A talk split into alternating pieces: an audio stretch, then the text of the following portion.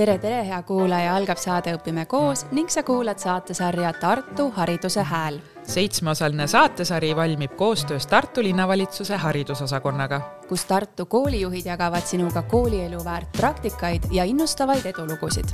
hea kuulaja, kui saade sind kõnetab, ole hariduse häälekandjaks ning jaga saadet ühe oma kolleegiga.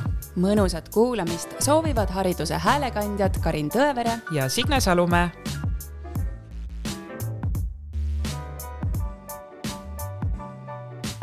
tänases Tartu Hariduse Hääle saates uurime, milliseid hariduse omandamise võimalusi ülikoolilinnas leidub ja missugused on erinevate koolide lähenemised formaal- ja mitteformaalharidust lõimides. tere teile, koolijuhid, kes te olete täna meie mikrofonide ette istunud ja esmalt palun teil ennast tutvustada, et saaksime nime ja hääle kokku viia ning teada, kust koolist te tulete. tere, Raini minu nimi, au olla Tartu Rakenduslikust Kolledžist ehk Vokost tere, minu nimi on Krista ja tulen Tartu Karlova koolist. tere, mina olen Marika ja tulen Tartu Täiskasvanute Gümnaasiumist väga hea, aitäh teile. ja teiseks teeme väikese alijase mängu, et pinged natuke maha võtta, hääled soojaks rääkida ja võib-olla kuulajatele ka mõned mõisted selgeks teha, mis võib-olla siin saates täna läbi hakkavad käima ja mõte on siis selline, et siin laua peal on äh, hunnik kaarte, et äh, võtke igaüks äh, neli kaarti ja siis valige nendest kolm sõna, mida te tahaksite seletada teistele ja teised peavad siis ära arvama, millest jutt käib. ja sõna loomulikult siis näidata ei tohi ja, ja sõna ära öelda ka ei tohi, nagu Aliase mängus ikka mina võin alustada, esimene sõna märgib põhikooli osa, mis valmistab inimest ette gümnaasiumiks? mina pakun, et see võiks olla progümnaasium. aplaus. aplaus, jah, suurepärane nii, äh, minu küsimus on, äh, et tegemist on siis äh, selle kohaga, kus lapsed käivad ja toimetavad oma huvide põhiselt. vihjena olgu öeldud, et see on ka tänase podcasti üks teema. huviharidus, huvikool. oleksin pakkunud huvikool see on natukene kantseliitlikum termin. see vist lipsas siin sissejuhatusest äkki läbi ka, see sõna mm? -hmm. formaalne, mitteformaalne, jah ähm, suur tänu, Raini, sa vastasid korraga kahele minu küsimusele, ma saan maha panna nii mitteformaalhariduse kui formaalhariduse. aga siis laseme Rainil seletada, et mis vahe on formaalharidusel ja mitteformaalhariduses, et kui äkki lapsevanem kuulab, tahab ka teada. no panete mind nii toreda ülesande ette kohe siin. teised no. võivad aidata. ei no ei, selles mõttes, et üks on siis ju, mis on põhimõtteliselt ette nähtud koolis ja teine on see, mis on võimalik väljaspool kooli omandada, ühendada see. no Kris-, äh, Kristel on? jaa, et äh, täiesti õige vastus mm. -hmm. et äh, võib-olla jah, et üks vastab riiklikule õppekavale, mis on kohustuslik õpilase vaates ja teine noh, see huvipõhine kõlab äh, selliselt, nagu üldhariduskool oleks midagi väga ebahuvitavat, mis muidugi ei vasta tõele, aga, aga tõepoolest, et see on nagu õpilase enda valik mm. -hmm. nii, aga Krista, sul jäi vist üks sõna veel seletada siis või, kaks sõna said maha panna ja? Äh, kokku on neli ah,, nii et mul on üks äh, sõna, mis puudutab hariduskeskkonna muutust, mis peamiselt viidi läbi kahe tuhande neljateistkümnendal aastal Tartu linnas, kui ma ei eksi, ja mille pioneer võib-olla oli äh, Viljandi äh, mõned aastad varem. see on ka selline tore kantseliitlik termin. kas see võib olla koolivõrgu korrastamine?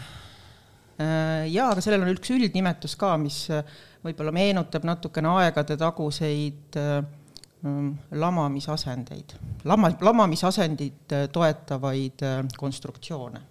päris hea huvitav, minul tuli kohe valimised tulid meelde hoopis kui sa nüüd vihjad reformvoodile, siis tuleb sellest kokku koolireform. väga õige. just, väga hea, aitäh. Raini, mis sõnad sinul on jäänud ah,? no mina hakkan oma esimese sõnaga pihta, ma arvan, et see on üks põhiline äh, asi, mis iseloomustab võib-olla õpilase individuaalset õpiteed.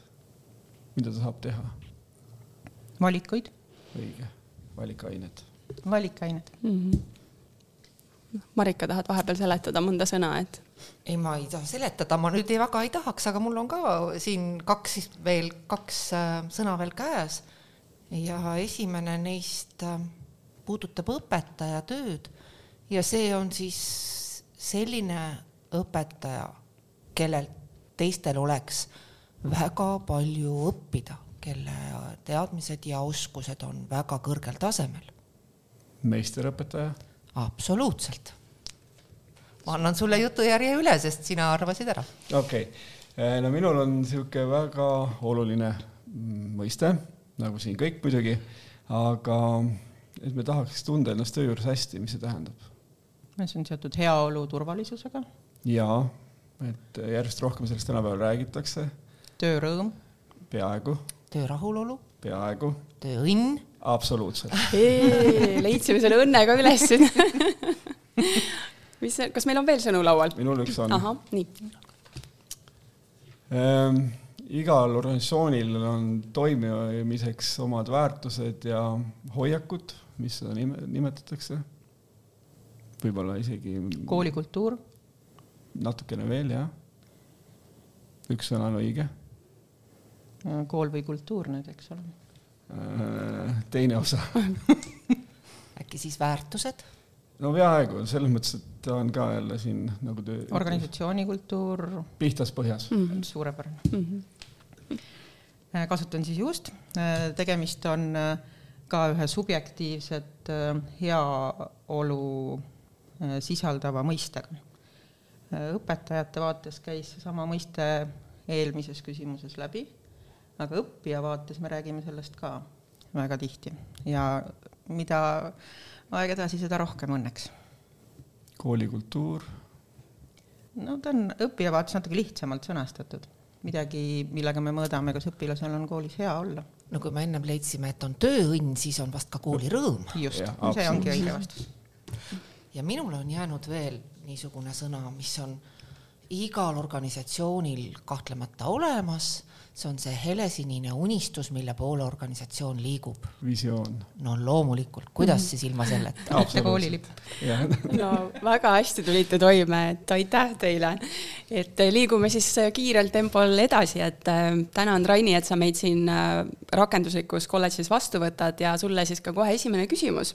et kes siin koolis õpivad ja, ja kui palju siin õpilasi üldse on?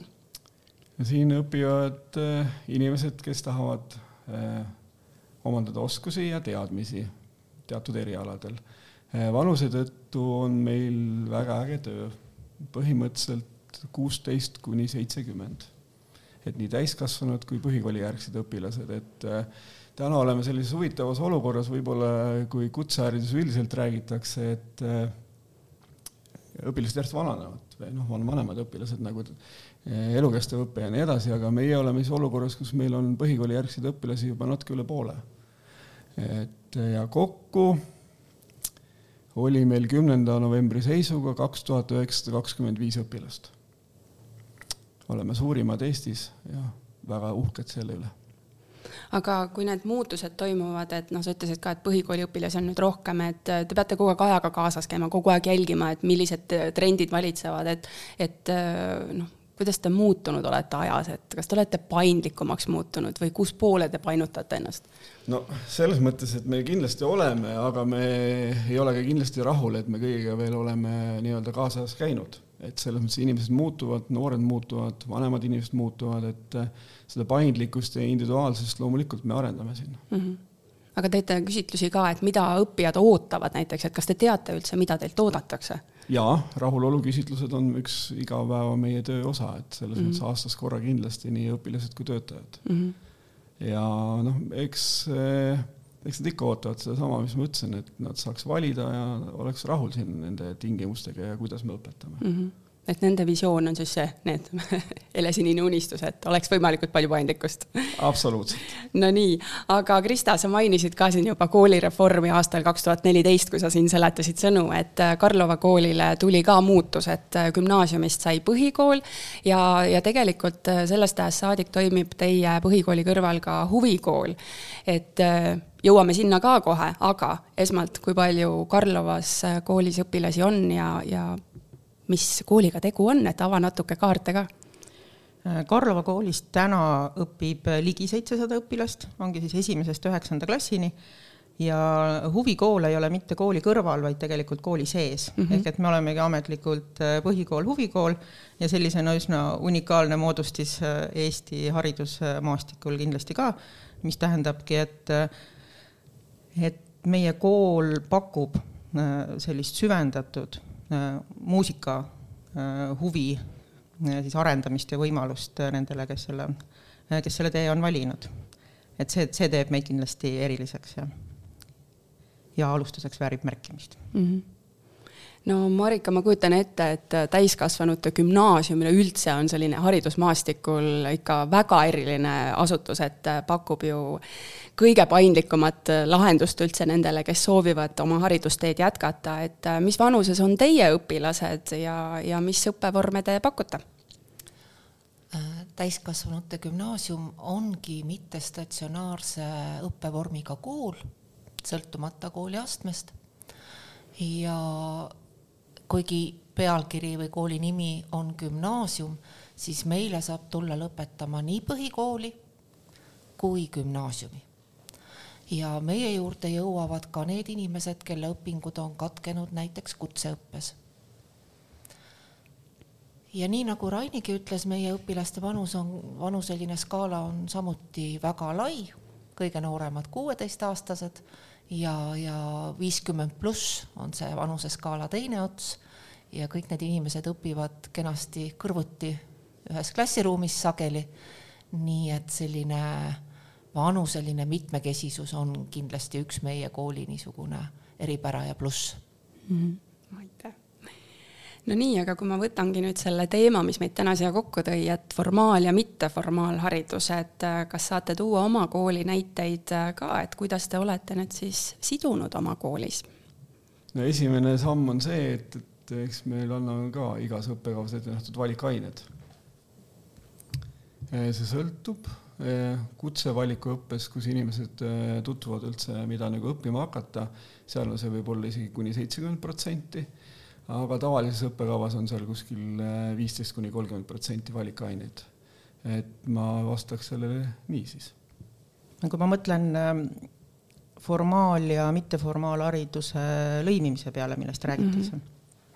Et siis mulle pigem meeldib mõelda äh, formaal- ja mitteformaalhariduse koostöö peale mm. -hmm. ehk ähm, seal on noh, nagu ikka tänapäeval peabki olema kogu äh, arendus ja parendus toimub õppija vaates. ja tõepoolest üks võimalus äh, on, äh, ja mis on kindlasti esimene võimalus, äh, on see, et me kõigepealt oleme üldse teadlikud, mida õppija teeb ka mujal samas, samas aines või valdkonnas, mida ta õpib, mida ta omandab. Et kui me räägime individuaalsest äh, õpiteest ja õppija individuaalsest äh, toetamisest, et siis juba sissejuhatuseks õpetaja klassiruumis oleks teadlik. midagi loodusainetest äh, ta juba kuskil õpib, võib-olla ta on nende teemade kohta juba nii palju teadlik, et ta saab teisigi õpetada, ehk et ta saab teha selliseid teadlikumaid valikuid õppija toetamiseks seal klassiruumis. ja see ei ole üldse lihtne. Neid, seal on nii seadusandlusest tulenevad küsimused, info jagamisel, mida õppija kuskil teeb või ei tee, ja kindlasti ka selline koostöökoht. aga minu arvates algab asi sealt peale ja seetõttu see koostöösõna mulle meeldib selles kontekstis kõige rohkem. teine teema on tõesti see valikainete või valikkursuste arvestamine ja ütleme, põhikooli kontekstis me kindlasti püüdleme selle poole, et, et valikkursuste süsteem oleks selline Äh, mis võimaldaks ka võimalikult äh, palju seda õppija tegevust kuskil mujal äh, arvestada, et ta ei oleks tõesti suures mahus põhiainete õppe toetamine, vaid õppija huvidest lähtuv ja, ja võib-olla valdkonnapõhine ja siis on ka neid õpiväljundeid arvestades lihtsam toetada. ja siis nagu ütleme, selles kontekstis me jõuame võib-olla sinna, et, et arvestada ka seda õppija koormust, et midagi, mida ta teeb Äh, kuskil mujal, ei peaks ta uuesti tegema meil, sest ta on juba need tulemused saavutanud. ja seda kindlasti on äh, lihtsam teha ja meie kooli praktika ka on pigem seotud selliste oskusainete või andeainetega, muusika, kunst, liikumine. ja palju keerulisem on seda teha põhiainetes äh, või ka siis mingites valdkondades, seal loodusainetes, mida me siin natuke nuputame omavahel, et kuidas teha. Ja siis on kindlasti see formaal, mitteformaalhariduse lõimimine just nimelt ütleme, formaalhariduse vaates õppekava täitmise eesmärgil ka õppija vaates. Ja kindlasti saab seal kasutada loovtöö lahendust, et, et arvestada. Äh, loovtööna. Ja siis kindlasti, mis on Tartus ju äh, suurepärane meil, on äh, see nii-öelda õpe kuskil mujal. Ehk et õppekava täitmine kuskil mujal õppides, siis oma aineõpetajaga koos või muuseumide või koostööpartnerite kaudu. nii et ütleme, põhikooli vaates on neid võimalusi väga palju, aga nad on väga eriilmelised ja kindlasti nii-öelda lõiminguülesed, et seal on muid aspekte ka, et võib-olla sissejuhatuseks nii palju. Mm. -hmm täiskasvanute gümnaasiumi puhul tuleb meeles pidada paratamatult seda, et tegemist on ikkagi gümnaasiumiharidust pakkuva kooliga ja äh, kohustuslike ainekursuste loetelu ja sisu on täpselt samasugune, nagu on mis tahes muus Tartu linna gümnaasiumis. ja meie lõpetajad sooritavad samamoodi kolm riigieksamit, koolieksami, kaitsevad lõputöö ja see, kus äh, valiku või mänguruumi rohkem tekib, on siis samuti just nimelt valikained, sest äh, meie õppijatel on sageli töökogemus. Äh, nad on osalenud erinevatel täienduskoolitustel, nad on lihtsalt maailmas ringi rännanud, nad on teinud vabatahtlikku tööd, nende elukogemuste pagas on mitmekesine ja kirju sageli ja me oleme aastaid rakendanud võtat selles parimas tähenduses, varasema õpi- ja töökogemuse arvestamine, kui inimene suudab oma tööalast või täiendõppe või lihtsalt elukogemust analüüsida, võrrelda seda näiteks valikaine õpitulemustega, siis valikaineid on tõesti võimalik arvestada. Mm, just siis selle varasema õppimise, töö või elukogemuse mõtestamise kaudu mm. -hmm väga hea, Marika, et sa tõid selle võta teema ise laulda jah, et see on tõesti meil ka niimoodi, et, et varasemaid õpinguid kui muid kogemusi saab teatud ainetes arvestada ja see on igapäevane töö meil, et. mis on siis äh, Karlova head praktikad? et kui mõelda äh, selle peale, kellega saaks koostööd teha äh, ja ka tahaks koostööd teha õppija huvidest, arengust lähtudes Äh, siis muidugi kõige lihtsam on äh, vaadata kõigepealt ümber oma krundi, et kes sul seal ääre peal äh, toimetavad. ja meie praegu teeme täitsa suurepärast koostööd Tartu Loodusmajaga.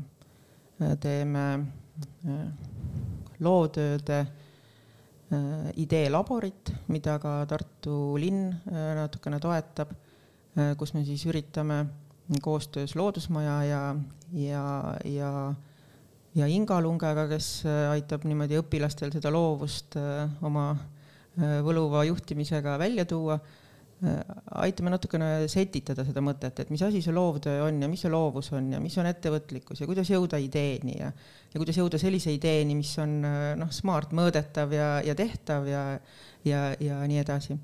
Et see on nagu üks pool Loodusmajaga koostööst, no kindlasti kõik need aktiivõppeprogrammid, mis on kõikides Tartu üldhariduskoolides suurepäraselt äh, käimas juba mõned aastad, et see annab juurde uusi partnereid.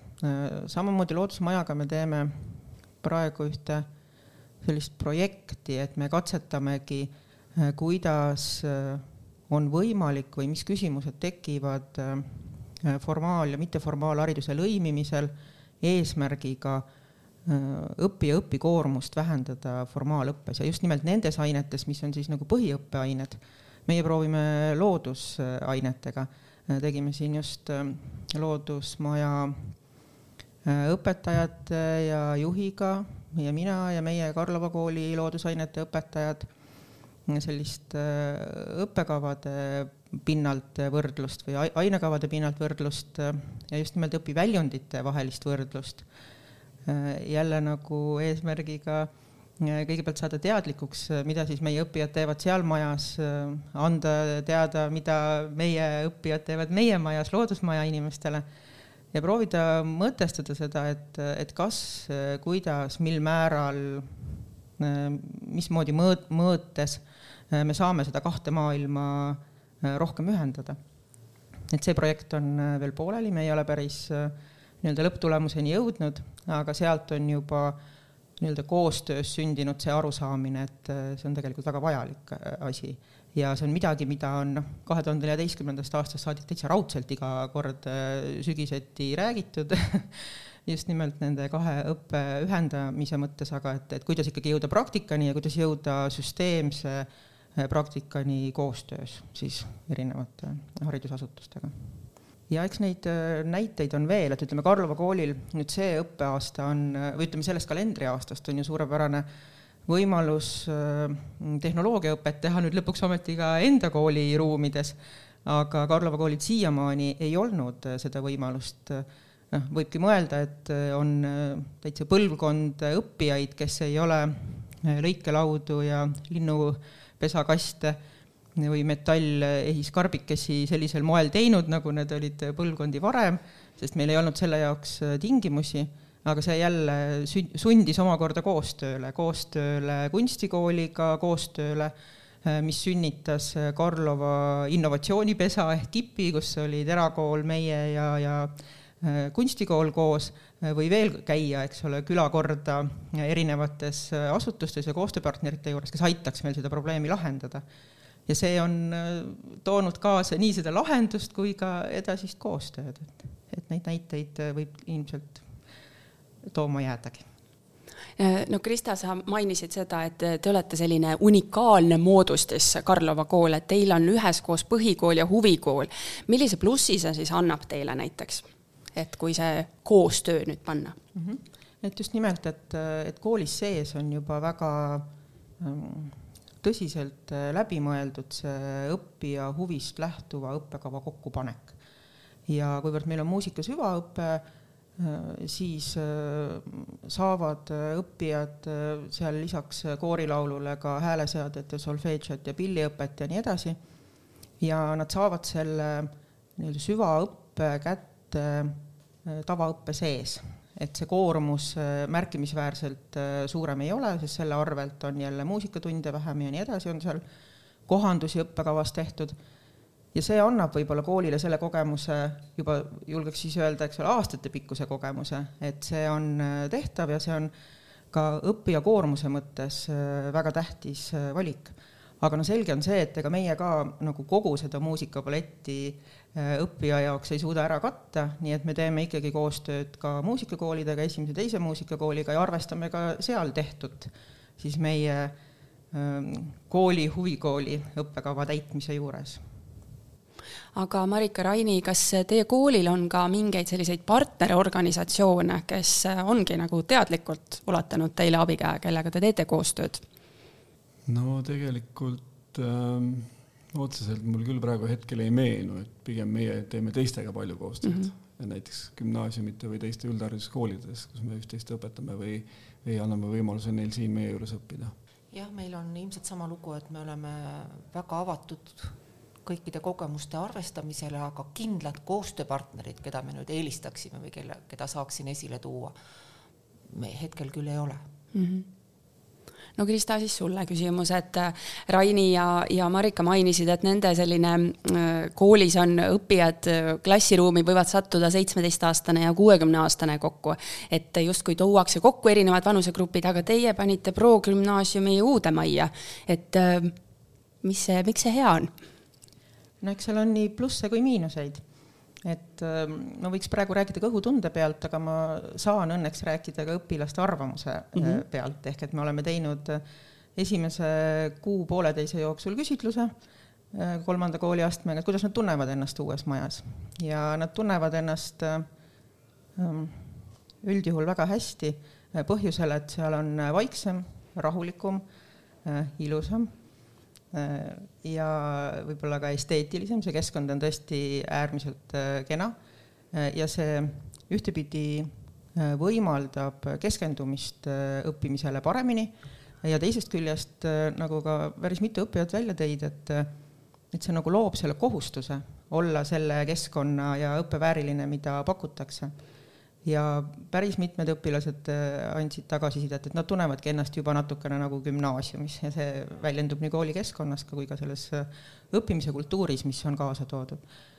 ja noh, teisest küljest võib muidugi öelda, et, et äh, algklassid või esimene-teine kooliaste võib-olla ei võida sellest, et suuremad ja targemad teise majja läksid, aga kuivõrd tõesti jah, võib-olla ebatraditsiooniliselt on meil need kaks maja jagatud selliselt, et kolmas kooliaste on eraldi, esimene, teine kooliaste eraldi, see tegelikult tähendab, et õpetajad liiguvad mõlema maja vahet ja see koolikultuur on keskele kokku ikkagi üks ja ühe, ühe, ühtedel alustel, pluss siis see, et tõesti viienda-kuuenda klassi õpilased saavad õpilasesinduste kogunemistel käia suurte majas ja, ja suured käivad äh, kodunduse käsitöötundides väikeste majas ja nii edasi, nii et see kindlasti ei ole nii drastiline, et, et enam kokku ei puutu ja, ja on kultuuride erinevus toimunud pigem ja on igale, igale oma sobiv ja, ja ühine kultuur on alles kuum teema on koolirõõmu teema, aga räägitakse väga palju ka tööõnnest, et äh, kuidas teie olete suutnud need äh, kaks õnne oma õuele ära mahutada ja mis on need head näited? Sa võib ikka öelda. ja ikka, ikka ja, ja, ja. et nagu sa välja tõid, et noh, ühest küljest on see väga suur väljakutse. eks õpilaste puhul tahame pakkuda ju võimalikult häid tingimusi ka vaba aja veetmiseks, et ja nende õpingute toetamiseks, huvitegevus, õpilase esindus, kõik sellised asjad. ja töötajate puhul loomulikult inimene tahab täna ju paindlikkust, tunnustust, head sõna, häid tingimusi ja sellega me iga päev siin toimetame, et ja noh, nad mahuvad ühte lauda ära küll tegelikult, et õpilane saab ka ju aru ikkagi, et ta on tulnud siia õppima, et on teatud nõuded, mis tuleb täita, aga küsimus on loomulikult, kuidas me üksteist suhtume ja käitume, et ja see mm -hmm. teebki inimesed õnnelikuks. no Raini on ilmselt siin nüüd nii tagasihoidlik, et äh, pigem tegutseb, kui räägib, et äh, ma guugeldasin välja, et te olete saanud peresõbralikuma ettevõtte tiitli. midagi te teete ju eriti hästi, räägi, mis, mis, mis neil on? oh, me tahame ka. ja, ja, ja, ja et sa välja tõid jah, noh, tõsi on see, et me nagu oleme programmis pere- ja töötajasõbralik tööandja. et äh, mis see tähendab, noh, põhimõtteliselt see tähendabki seda, et me arendame oma organisatsiooni selles võtmes, et me olemegi sõna otseses mõttes pere- ja töötajasõbralik. Ehk et me oleme võimalikult paindlikud, me anname võimaluse inimestel suhteliselt vabalt otsustada, mida, kuidas nad teevad asju, me lepime, lepime kokku üldised asjad, on ju, kuhu me liigume, mil, mil, mil moel. mis seal veel on? In,, informeeritus, tunnustus äh,, äh, tervisepäevad, elementaarsed perele tähtsündmuste puhul vaba päev, on ka mingid rahalised toetused inimestele. et no põhiliselt see noh kuidas ma ütlen, hästi lihtsustatud, millest me alustasime, milles hästi juhtisid tähelepanu, et räägin natuke pik-, pikemalt, et me tegeleme sellega, et inimene oleks, et tal oleks infot, et tal oleks äh, tööülesanded selged, et tööülesannete täitmine oleks võimalikult paindlik ja head tingimused ja hea töökeskkond inimeste poolt, kes tema ümber on kas kokkulepetest peetakse kinni, et sa ütled, et te annate paindlikkust, vabadust, et on Eesti inimene nagu hindab seda, et mulle on antud see vabadus ja üldiselt, üldiselt kindlasti selles mõttes, aga, aga loomulikult kõik asjad ei toimi nii, nagu tahaks, et, et see, ma arvan, et inimeste puhul natukene loomulik ja arengukohad, et mm -hmm. ega ei ole meie ka seal kindlasti, kus me tahaks olla, aga noh, kui ma võtan eelmise aasta rahulolu küsitlust, siis meie soovitusindeks on märgatavalt tõusnud, et ju me teeme asju õigesti. Marika, kuidas teie koolis on, et kas koolirõõm ja tööõnn mahuvad ära ühte majja?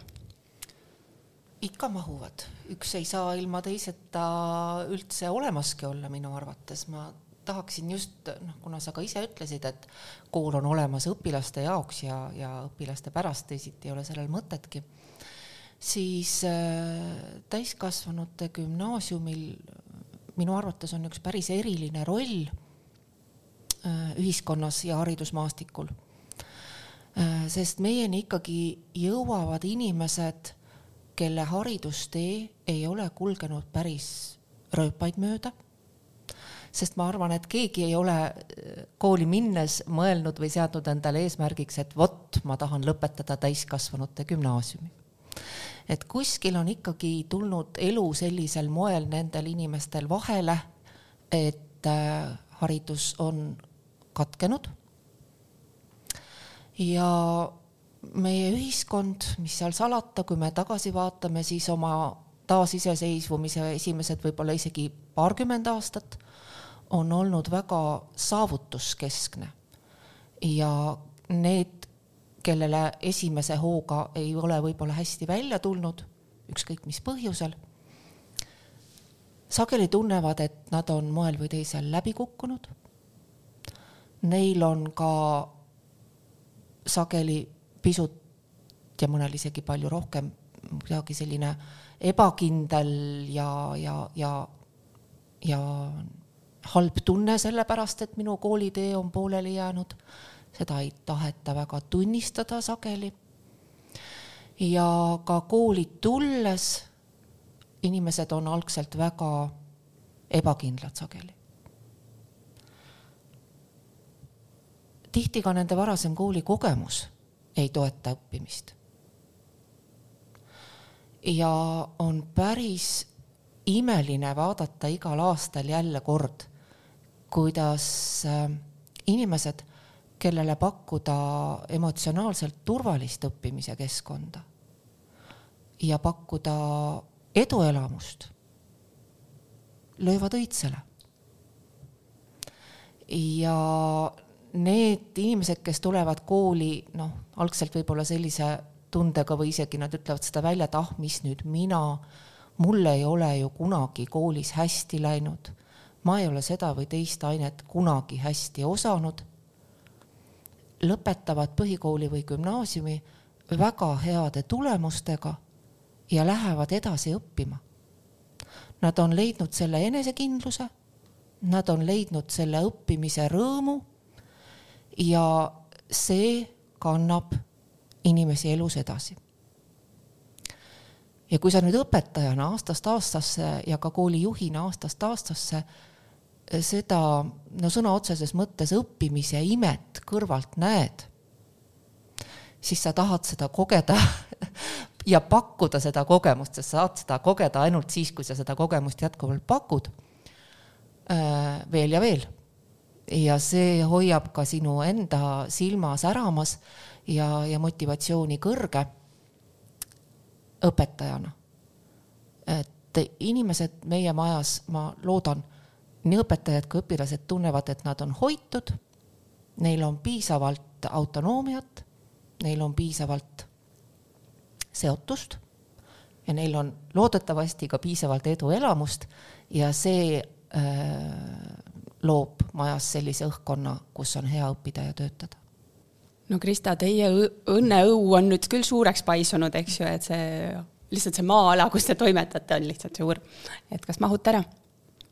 Ja kuidas läheb? Äh, jah, et äh, me muidugi ei mõõda oma õnne materiaalsetes väärtustes, me oleme ikkagi loovusele äh, orienteeritud kool ja tunneme rõõmu koostegemistest ja musitseerimistest ja igasugustest muudest lahedatest loovatest tegevustest Äh, see on väga raske küsimus, mis puudutab äh, nii koolirõõmu kui äh, tööõnne ja kuivõrd me oleme põhikool, et siis ei ole me mingi saar meres, et kogu see ühiskonna mure ja rõõm tuleb ka meie koolimaja uksest sisse. ja, ja ükskõik, kui palju me koolis nii-öelda pingutame või tegeleme sellega, peame me alati arvestama ka peresid, ühiskonda, kodusid laiemalt aga see, mida me ise teha saame, sellele me ikkagi püüame äh, fokusseerida ja, ja ma arvan, et seesama äh, formaal, mitteformaalhariduse teema on siin tegelikult päris oluline võtme, võtmekoht, ehk et see õppija huvidest äh, lähtuv haridus ja ja selle poole üha, üha rohkem liikumine ja selle teadvustamine ja heade lahenduste otsimine ja leidmine, et siis võib-olla me jõuame ühel hetkel sinna, et õpilane, kui tuleb kooli uksest sisse, ta teab, et ta teeb siin midagi, mis talle tegelikult endale päriselt huvi ka pakub. Ja mis puudutab seda töörõõmu poolt, äh, siis äh, jah, tõesti ka, ka üldhariduskoolid peavad ikkagi tegelema selle noh, nii-öelda tööandja brändinguga päris tõsiselt, sellepärast et et võib-olla on lihtsam ja vähem muresid väiksemas maakoolis, aga, aga töötasu on sama ja nii edasi. ehk leidma üles need kohad, mis siis töötajat motiveerivad ja ja eks need lõppkokkuvõttes kõik toredatele, mõnusatele, toetavatele inimsuhetele taanduvad. et mm -hmm. sellega igapäevaselt tegeleme. No siin äh, käis juba, tuli vaikselt sisse see selline järgmine selline konksuke, mille taha saaks nagu õmmelda selle järgmise teema, et äh, mis on õpetajate järelkasvu teema. et me ilmselt ei hakka sel, me kõik teame, et see on kuum teema ja see on aktuaalne teema, ilmselt puutub nii kutsekoolid kui täiskasvanute gümnaasiumid puutuvad kokku, aga kuidas on lugu koolijuhtide järelkasvuga? jaa, mulle lihtsalt siin meenus üks isiklik kogemus ühelt koolijuhtide äh, aasta lõpu kogunemiselt, äh, küll mitte Tartus, aga siis äh, eelmises kohas, kus ma töötasin. ja siis käis aasta kolleegi valimine ja igaüks sai teha oma pakkumisi, et kes siis mida teinud on ja kes kiiremini jooksnud ja suuremaid karikaid õue peale toonud. ja mina pakkusin välja, et anname aasta koolijuhi tiitli alustavale koolijuhile, et ta üldse on nõus sellistel äh, keerulistel aegadel, äh, teades, mis talle kõik õlgadele langeb, selle töö vastu võtma, et oleks nii-öelda stardimotivatsioon. ja ma arvan siiani, et see on tegelikult üsna oluline võtmesõna koolijuhtide järelkasvu juures, et kuidas me seda algust toetame. ja, ja see ei ole kindlasti nii-öelda kõrvalseisjal ka alati kõige lihtsam äh, Äh, välja, äh, isegi mitte välja mõelda, vaid aru saada, mis need probleemid alustaval koolijuhil on. mina veel mäletan neid, need olid äh, kuus-seitse aastat tagasi. tahad sa siin öelda ka, mis need on, et äkki saame kedagi toetada, et keegi kuulab, alustav koolijuht ütleb, et aa, ma ei olegi üksi, Krista alustas ka, oli samas positsioonis kunagi?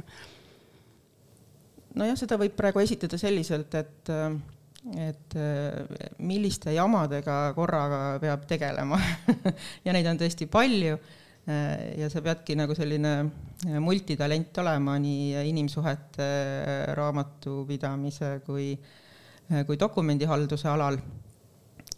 aga võib-olla nagu isegi kõige olulisem on see, et, et sul oleks kõrval inimene, on ta siis coach või mentor, kes aitab seda fookust hoida ja kiiremaid asju aeglastemast, aeglasematest eristada või tähtsamaid vähem tähtsatest.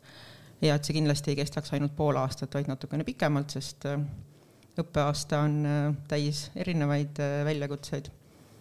Need võib-olla sellised märksõnad sissejuhatuseks.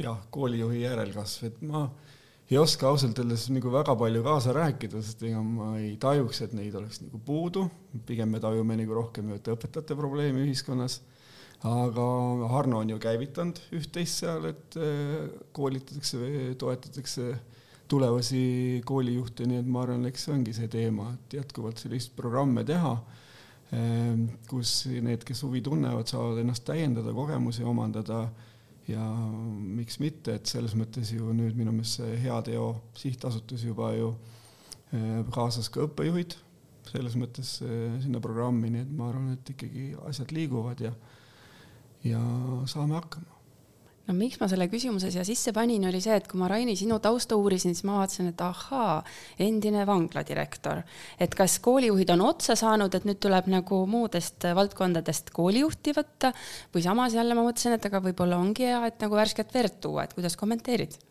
no ei, see ei ole saladus jah, et ma seal ühel tagasihoidlikus asutuses pikalt töötasin ja üle seitsme aasta olin vangladirektor. noh, ma arvan, et ega karjääripööret teha, ma arvan, et äh, ongi võimalik. Ja inimene, kes tahab seda ja mina olen väga, väga õnnelik, et mulle see võimalus anti. et eks ma olen ju noh, alates juba võib-olla sellest komisjoni vestlusest, kui ma kandideerisin, ma tajusin natukene kahtlusi, et kust see mees tuleb ja mis ta nüüd tegema hakkab, aga aga väga õnnelik, et anti see võimalus ja see on võimalik. Ja ma arvan, et noh, ma olen sinuga nõus, et ega mõlemat pidi on õige, et on need, kes koolist kasvavad ja on need, kes tulevad mujalt, et eh, noh, minu õnn on see, et eh, meie kolledž on nii suur, et selles mõttes, et mina saan olla põhiliselt ikkagi suuremalt jaolt juht, ma ei pea olema õpetaja. et selles mõttes ja kui sul on õppedirektor, nii suurepärane inimene nagu meil on, et noh, siis see annab võimaluse sisse sulanduda ja toimetama hakata no Marika, sina oled vastupidi, sa oled välja kasvanud oma koolist, eks ju, koolijuhiks, et eh, millised eelised ja vaade sinul on sellele järelkasvu murele? Äh, alustuseks ma arvan, et äh, koolijuhi valik äh, on ääretult tähtis, sellepärast et juhist tõesti sõltub väga palju.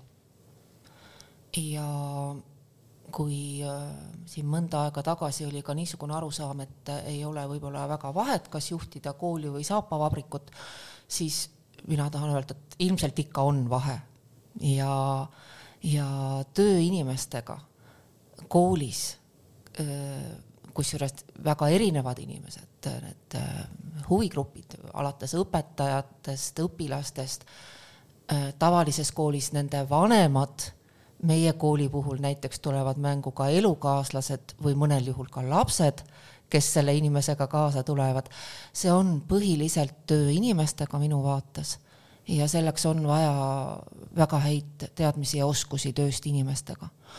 aga tõepoolest, mina olen kogu oma teadliku tööinimese elu töötanud Tartu Täiskasvanute Gümnaasiumis, alustanud seal õpetajana teinud pikka aega õppealajuhataja tööd ja, ja siis äh, koolidirektorina nüüd siis juba kuus aastat. ja see on tohutu eelis. sellepärast, et ma olen olnud kaasas kõikide nende muutustega äh,. kooli kollektiiv liialdamata on kooli pere. ja selles peres me üksteist kõik väga hoiame. ja ma arvan, et see on juhtimise mõttes väga nõudlik, aga siiski ka see annab väga palju eeliseid, sest et äh, tõepoolest inimestevahelised suhted, selle organisatsiooni kultuur, see kõik on nagu minu puhul on see osa juba vereringest. et äh, ma ja ma väga tunnustan neid inimesi, kes julgevad ja võtavad ette selle sammu, et nad tulevad täiesti uude kollektiivi see on ilmselt väga suur väljakutse. minul on läinud teistmoodi ja ma arvan, et see on üks väga hea viis, aga mitte ainuvõimalik no Tartu on selles mõttes siis olnud tubli, et on koolijuhte värvanud väljaspoolt, seestpoolt ja, ja võib-olla ka siis täiesti teisest äh, sektorist. et äh, Krista, sina oled tegelikult Tartu koolijuhtidest vist kõige värskem tegelikult, on õigus? jaa, vastab tõele. et aastakene on täis nüüd ei ole veel, alustasin septembri keskel mm. -hmm. aga kooli juhtimine ei ole võõras, sa tuled äh, tegelikult, äh, oled äh, selles valdkonnas olnud nii Paides kui Viljandis. no millise visiooniga sina Tartusse tulid? jaa, ega ma ilmselt ei tulnud visiooniga Tartusse. aga, aga ma tulin visiooniga konkreetsesse kooli. ja mulle ütleme nii, et minu eesmärk ei olnud saada ükskõik millise Tartu kooli juhiks, et ma täitsa teadlikult äh, tegin selle valiku ja just nimelt üks äh, suur osa või aspekt sellest on sellisele äh, loovusele suunatud koolikultuur. see sümpat-, ütleme, et see idee sümpatiseerib mulle väga. just noh, võib-olla alternatiiviks sellisele konkurentsikesksele haridusele.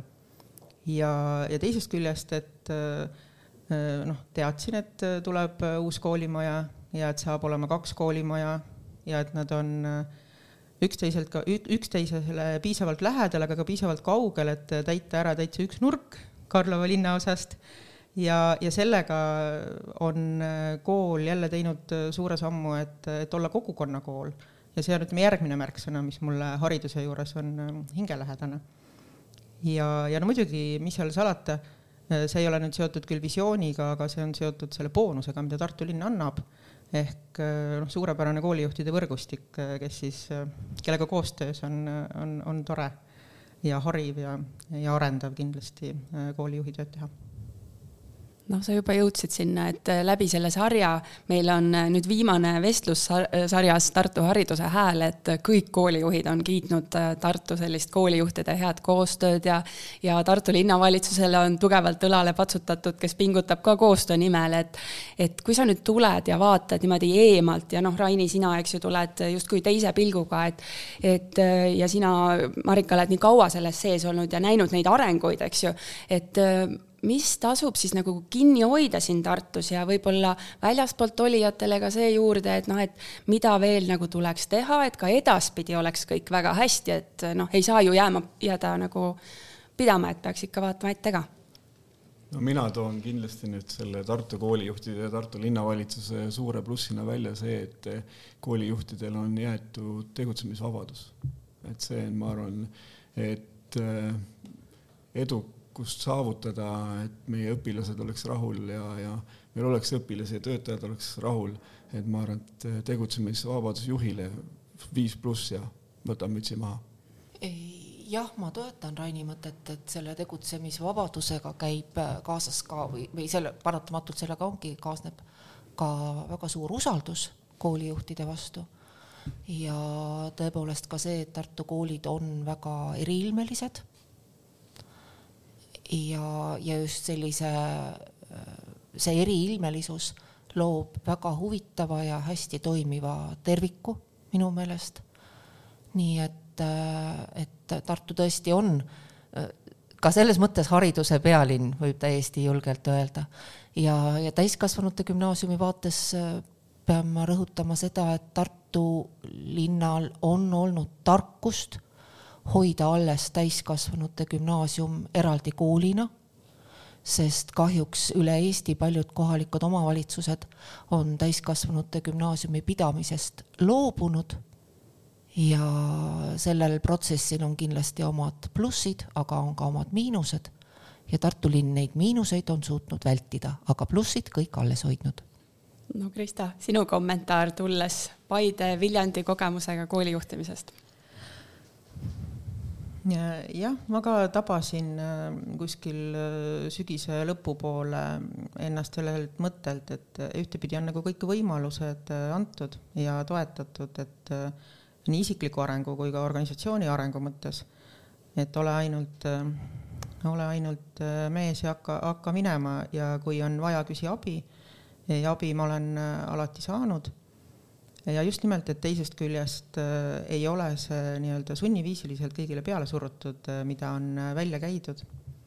et see on tõesti, on väga sümpaatne ja selline tark juhtimine, julgeks öelda ja, ja teisest küljest just see, kuidas koolipidaja siiski noh, silmnähtavalt näeb vaeva ja tegeleb sellega, et et seda koolijuhtide võrgustikku niimoodi aktiivsena hoida ja neid äh, käike ja õppimise kohti pakkuda, et ja, ja seda on tõenäoliselt äh, noh, ütleme, Tartu on selles mõttes ka nagu eelisseisus, et siin on piisavalt koole ja äh, intelligentseid ja kogemustega koolijuhte, kellega seda kõike ette võtta ja, ja samas ka nagu piisavalt väike võrreldes ühe äh, natukene suurema omavalitsusega ähm,. et, et see asi ei vaju ka liiga laiali, nii et äh, mõnus kompaktne seltskond aga eemalt tulles, kas on midagi, mida saaks veel paremaks teha, et kui vaataks nüüd tulevikku, et kuidas edasi võiks areneda see koolijuhtide hea koostöö, et käite koos ja tore on olla ja arenete ja usaldatakse ja koostöö toimib, aga kuhu veel?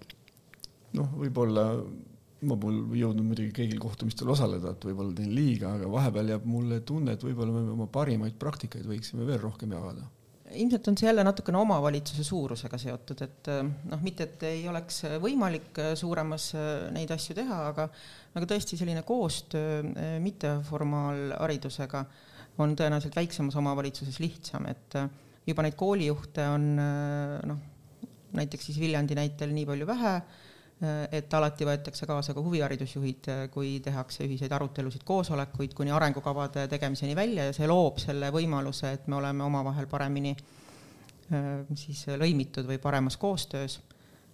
võib-olla juba ka nagu, nagu omavalitsuse struktuuri mõttes, et kas on eraldi osakondade all või on ühe haridusosakonna all, et võib-olla noh, mitte küll väga julgedes siin äh, kolmveerandaastase töökogemusega teha ettepanekuid, kuidas võiks veel paremat haridust Tartus teha, aga ma näen tõesti seda mm, formaal, mitteformaalhariduse nagu koostöö kohta äh, rohkemas arengus või näeksin äh, ja, ja vähem konkurentsi võib-olla võtaks siia juurde siis ka sellise teema, et Tartu on võtnud hästi huvitava suuna, et pakub koolijuhtidele sellist koolitusprogrammi, milles sa, Raini, hiljuti ka osalesid, sa käisid Pipedrive'is praktikal.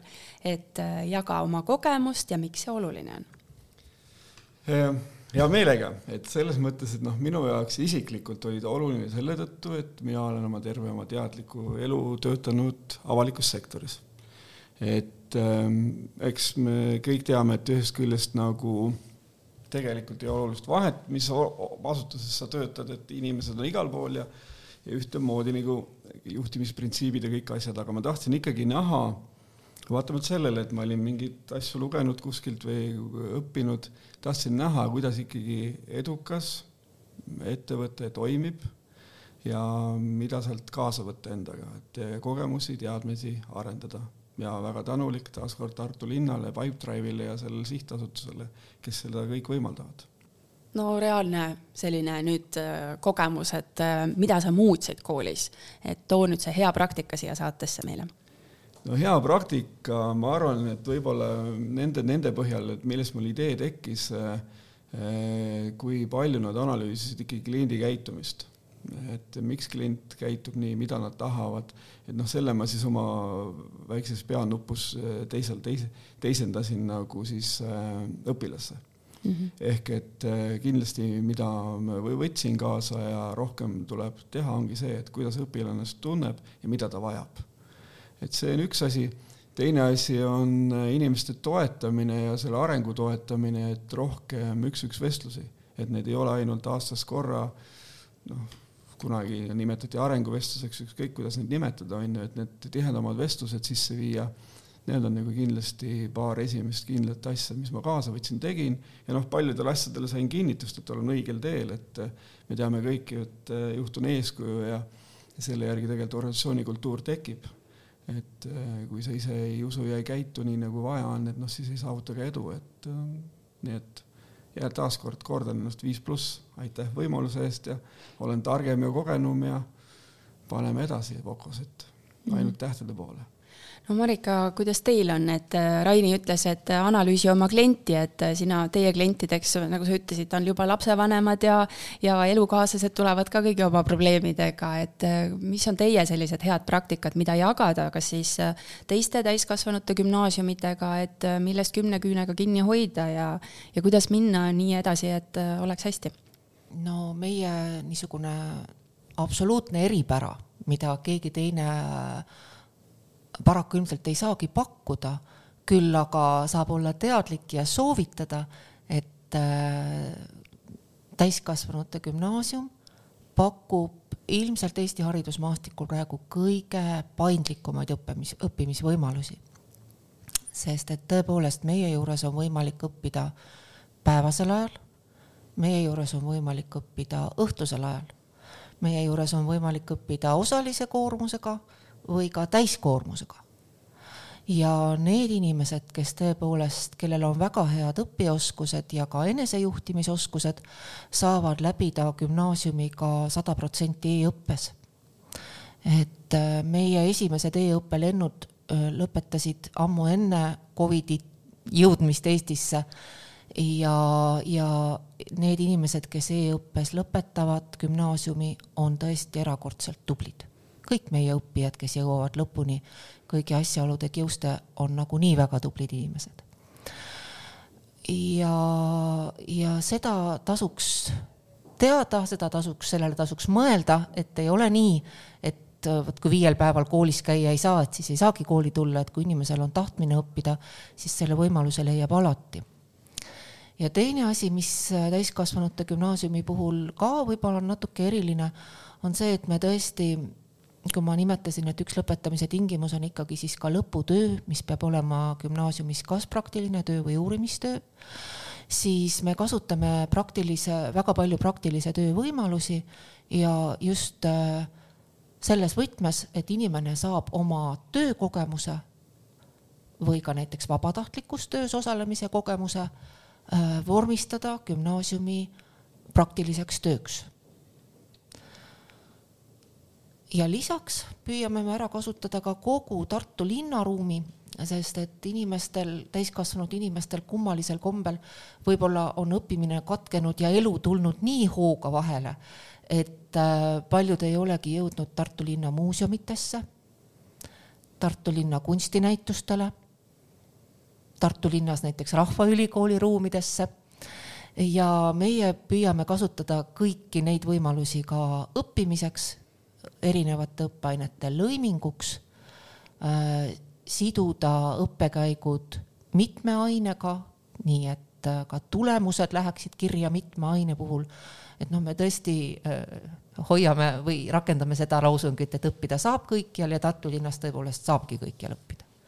et niisugused asjad on meil ellu rakendanud, rakendunud ja neist me hoiame kümne küünega kinni ilmselt ja soovitame kõigile teistele ka no Rainil tuli mingi mõte nüüd. ja ma ei saa ära minna siit ilma enne, kui ma ei ole seda rääkinud, et ennem sa küsisid kenasti, et noh, mis ma sealt Pipedrive'ist kaasa võtsin, siis ma tahaks kindlasti jagada kõigile meie kuulajatega seda, et me oleme Vokos viimase kolme aasta jooksul teinud suuri muutuseid selles osas, et õpetaja kui mentor.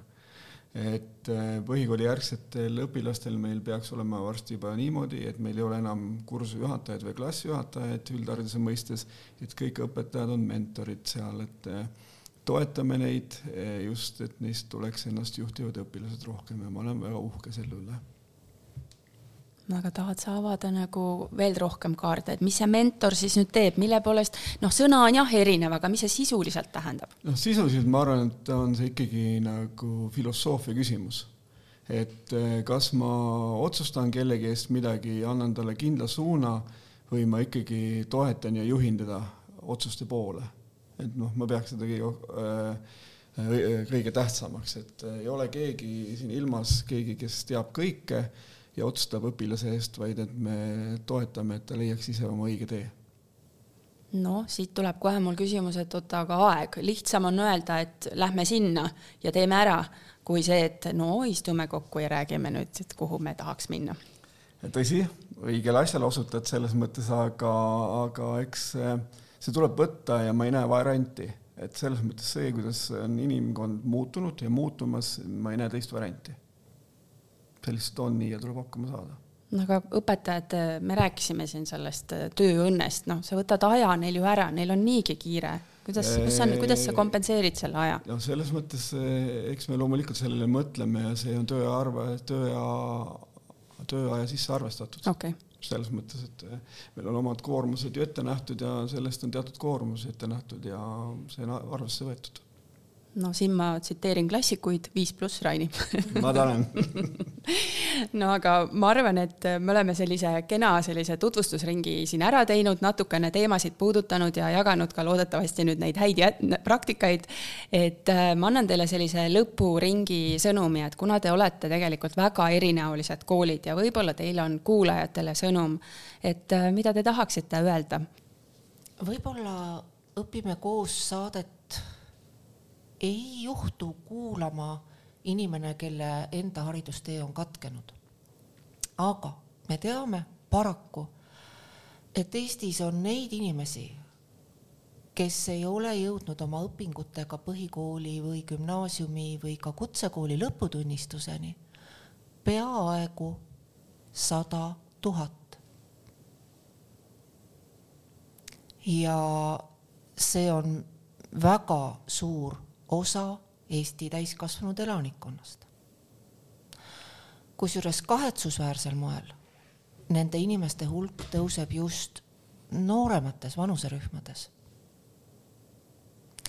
mis tähendab, et tõenäoliselt iga meie saate kuulaja teab kedagi, kes teab kedagi, kellel on jäänud õpingud kunagi pooleli ja kes praegu võib-olla kurvastusega ütleb, et näed, mina tahaks ju ka minna õppima kas seda uut ametit või omandada mikrokraadi või teha uut karjääri. aga vot ei saa. ja siin ei olegi muud kui öelda, et aga mine Tartu täiskasvanute gümnaasiumisse, uuri oma võimalusi. Nad leiavad sulle lahenduse, just sinule sobiva lahenduse. et äh, me ju inimestena kunagi ei tea, keda võib puudutada see meie heatahtlik soovitus. ja kuidas võib-olla tänu sellele minu soovitusele suudabki mõni inimene teha oma elus täiesti uue alguse. nii et äh, kui sa tead kedagi, kes teab kedagi, kelle võimalused elus praegu on natuke piiratumad selle tõttu, et tal puudub põhikooli või keskkooli lõputunnistus, siis patsutage talle julgustavalt õlale ja öelge, mine kuula maad, mine uuri oma võimalusi. mine Tartu täiskasvanute gümnaasiumisse. no väga hea, see on nagu, tuleb nagu lööklauseid siin, väga tubli kuidas teistega, Raini? nojah, et eks neid lõpetussõnu võib erinevaid siin välja mõelda, et Marika kenasti alustas, et äh, aga alustame siis sellest, et täname podcast'i tegijaid, et nii kena ja vajalikku asju teete. et ma olen üsna hästi vähemalt Instagrami konto kaudu kursis, mis toimetate. et äh, mõnda podcast'i tuleb tunnistada, et olen kuulnud ja kutsun kõiki üles kuulama. aga eks minagi selles mõttes ütlen, et, äh, et kui sa tahad, et ähm, saada teadmisi, oskusi, et teha elus, mis sulle meeldib, siis tule ka meile. et voko.ee, meeletud võimalused, valikud, aga kui sa ka meie kasuks ei osuta, siis tule ikka Tartusse õppima, et äh, hariduse pealinn ootab sind, et selle suurepärase haridusmaastikuga, et. aitäh! ma isegi võib-olla ei teeks niivõrd oma koolile reklaami, tegemist on elukohajärgse põhikooliga ja loomulikult on äh, uksed lahti kõigile, äh, kes on, kes on huvitatud äh, meiega liituma. ma teeks sellise üldisema üleskutse, mis võib-olla suunab natuke ikkagi rohkem tänasest mõtlema õppija peale ja õppide, õppija huvide peale ja õppijast lähtuva õppe peale. vastukaaluks siis võib-olla õppekava või, või ka äh, tulemustest äh, lähtuva õppi, õppimise peale. ja et kogu selle õppija huvi hoidmise teema juures, just nimelt põhikoolis, kus, äh, kus see laps rõõmuga kooli tuleb ja, ja võib-olla natukene mornimana vahepeal seal teismelisena liigub ja siis tunneb seda pääsemise rõõmu sealt lilletuttide vahelt gümnaasiumisse või, või kutsehariduskeskusesse või täiskasvanute gümnaasiumisse minnes et me seal vahepeal tõesti äh, annaksime endast äh, kõik oleneva, et see õpihuvi säiliks ja ta säilib, äh, ma siiski olen täiesti veendunud selles ainult siis, kui me teeme koostööd kõikide nende organisatsioonide ja inimeste ja seltskondade ja ühendustega, mis on lapse jaoks tähenduslik ja oluline. ehk koostöö on ikkagi võti. Tartus on see julgen öelda, väga suurepärases seisus, aga alati saab paremini. Ähm, ja noh, lihtsalt ühe näitena äh, meie koolist äh, toon ka, et et need muusika süvaõppeklasside õpilased, kes käivad ka koorilaulus ja, ja laulavadki Tartu poistekooris ja neidude kooris Kurekell, et nendel on alati olnud võimalus kaasa lüüa ka Vanemuise teatri muusikalides või balletiettendustes mis on eriline ja imeline kogemus, mida võib-olla suurlinnade õpilased ei saa endale lubada ja väikelinna omad kahjuks mitte, sest neil ei ole sellist, et see teeb, või sellist väljundit, eks ole, et see teeb kindlasti selle Tartu ähm, suuruse nii parajaks, et saada siit tõesti maailma parimat haridust no ma ei tea, tänases saates mul on korduvalt nagu kananahk peale tulnud, et äh, nii äge ja ma olen saanud siit äh, uusi ideid teiega vestluseks, et äh, kuidas meie Signega saaks edasi teha ka, õpime koos ägedaid saateid, et no üks on kindel, et me otsime üles kindlasti need täiskasvanud gümnaasiumi sellised inspireerivad lõpetajad ja püüame nad ka mikrofoni ette tuua. aga eh, Tartu linnavalitsus on eh, välja pannud eh, ka raamatud ja mõttega siis sellest, et natukene harida ja lugeda, et saate sirvida, valida endale siit oma, mis kõnetab ja, ja siis läbi studeerida ja nagu te ütlesite, koostöös peitub võti, jagada, soovitada. et oleme tänulikud, kui valite ühe kommenteerite, miks just selline raamat, miks just see ja nii edasi. leitud, ma saan aru. leitud. kas sa tahad kohe kommenteerida ka, et mis raamatu sa valisid ja kes see autoriks on ja miks siis? jaa, vot nüüd aita lugeda, kas ta on siis Resma või? jah, on jah, Resma Šauhjahni Resma Šauhjahni, julge mitte täiuslik, et ma arvan, et äh, miks ta mulle väga kohe nagu meeldima hakkas, on just see, millest me peaksime ennast, enes, ennast rohkem teadvustama, aga teisi inimesi ümber meie, et äh, ole julge ja proovi ja ära karda põrumisi. väga hea. julgelt punane on ka kohe, hakkab, hakkab silma nii, Marika vist on ka leidnud?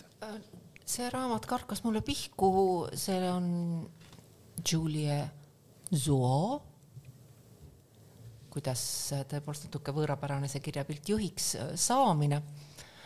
võib-olla isegi mitte selle pealkirja pärast, aga, aga sellepärast, mis on siin lühikeses kokkuvõttes öeldud, et ähm, äh, raamatu autor tunnistab, et kõige kirkamad õppetunnid on tulnud läbi tehtud vigade ja neid on jagunud ohtralt. Ja kuidagi see praegu mind kõnetas, sellepärast et tõepoolest vigu me teeme kõik, eriti kui me juhina alustame, me teeme vigu. ja küsimus on selles, kas me neist õpime.